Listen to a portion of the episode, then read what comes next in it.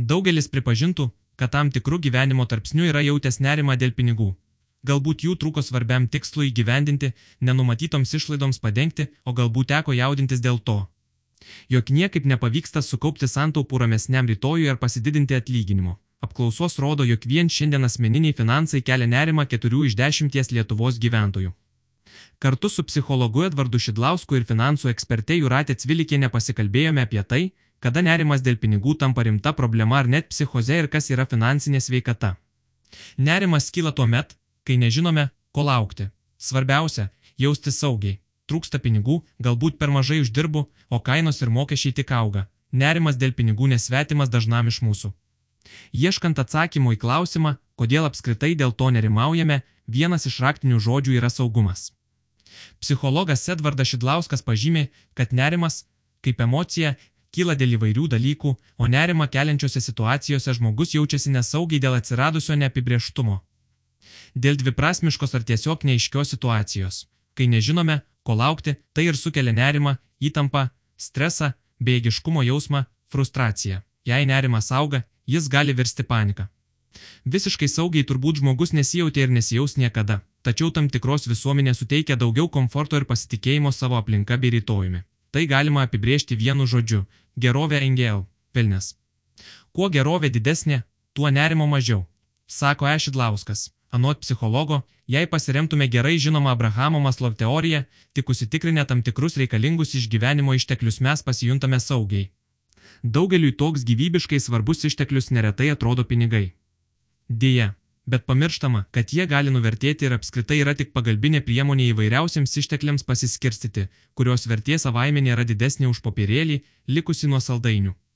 Tad iš ties svarbu, man regis, yra įgūdžiai, žinios, resursai, kurie gali padėti tuos pinigus uždirbti arba tiesiog gebėjimas būti naudingiems savo ir kitiems žmonėms. Teigia Ešidlauskas. Saiko nebuvimas liudija problemą. Psichologai tai pavadintų psichoze, psichologas pastebi, kad pinigai patys savaime gali reikšti daugelį prasmių. Anot jo, kalbant paradoksais, tai tokia abstrakti materija, su kuria galime projektuoti daugelį savo poreikių, lūkesčių, vilčių ir svajonių. Tačiau vargu ar kiekvienas galėtų pasakyti, viskas, pinigų turiu užtektinai. Ar mums įgimta visuomet jų norėti daugiau?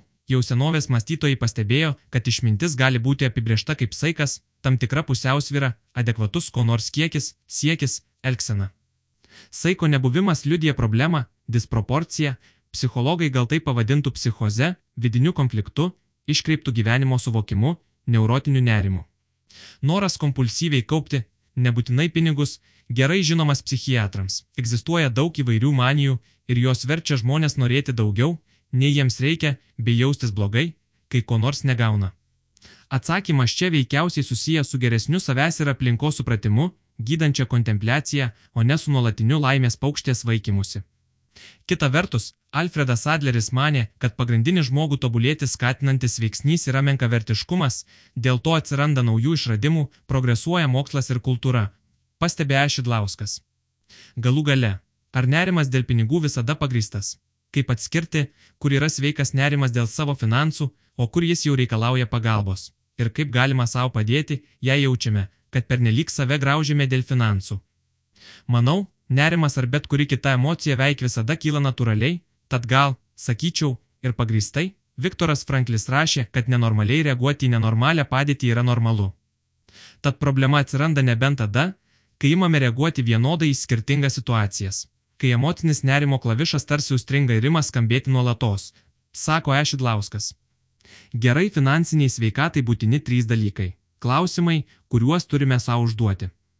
Svetbank finansų ekspertė Juratė Cvilikienė pažymė, kad finansinė gerovė yra terminas, apibrėžiantis finansų ryšį su mūsų individualia ir socialinė gerovė.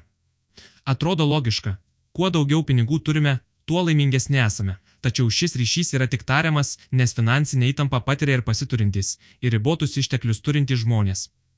Stresą sukelia ne tik per mažas pinigų kiekis, palyginti su turimais įsipareigojimais ar norima gyvenimo kokybė, bet ir chaotiškas jų tvarkymas, neatsparumas finansiniams netikėtumams arba tiesiog jausmas, kad viskam, ko norime. Pinigų neužtenka, pastebi jo Cvilikienė. Jis skaičiuoja, kad asmeniniai finansai kelia stresą 4 iš 10 Lietuvos gyventojų. Dėl pinigų jaudinasi tiek vyrai, tiek moterys. Pinigai yra itin dažna jaunų 18-24 metų amžiaus žmonių streso priežastis.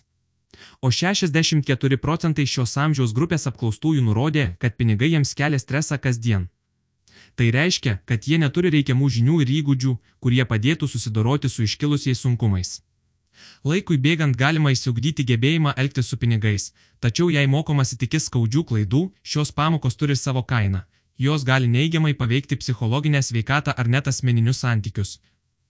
Sako finansų ekspertė. Paklausta, ar ilgainiui nerimas dėl finansų visuomeniai tampa aktualesnis, jo Cvilikinė pirmiausia pažymi, kad mes gyvename visuomenėje, kuri labai greitai keičiasi. Skaitmeniniai sprendimai, naujos galimybės, begalė informacijos kuria ne tik daugiau galimybių pasirūpinti savo finansiniu saugumu, bet ir nerimo, kaip suprasti, kuria informacija galima pasitikėti. Kaip atsirinkti geriausią sprendimą, tad tikrai manau, kad nerimo patiriame vis daugiau, sako ji. Jo Cvilikinės teigimu, svarbiausios finansinės veikatos rytis yra trys - kasdieniai finansiniai sprendimai, saugumo užtikrinimas, rizikų įvertinimas ji patarė savo užduoti šiuos klausimus. Ar išleidžiame mažiau, nei uždirbame? Ar sugebame taupyti trumpalaikiams ir ilgalaikiams tikslams? Ar žinome, kaip padidinti savo pajamas ir įdarbinti santaupas? Ar finansiškai apsaugome savo artimuosius ir turtą nuo netikėtų gyvenimo įvykių? Kaip gebame suderinti skolinimąsi su pajamomis? Atsakymai į šiuos klausimus padeda geriau įvertinti savo finansinę sveikatą. Finansinis raštingumas, žinios, nuostatos, įgūdžiai yra susijęs su visais išvardintais klausimais ir didelė dalimi lemia, kaip gerai gebame tvarkyti savo piniginius reikalus.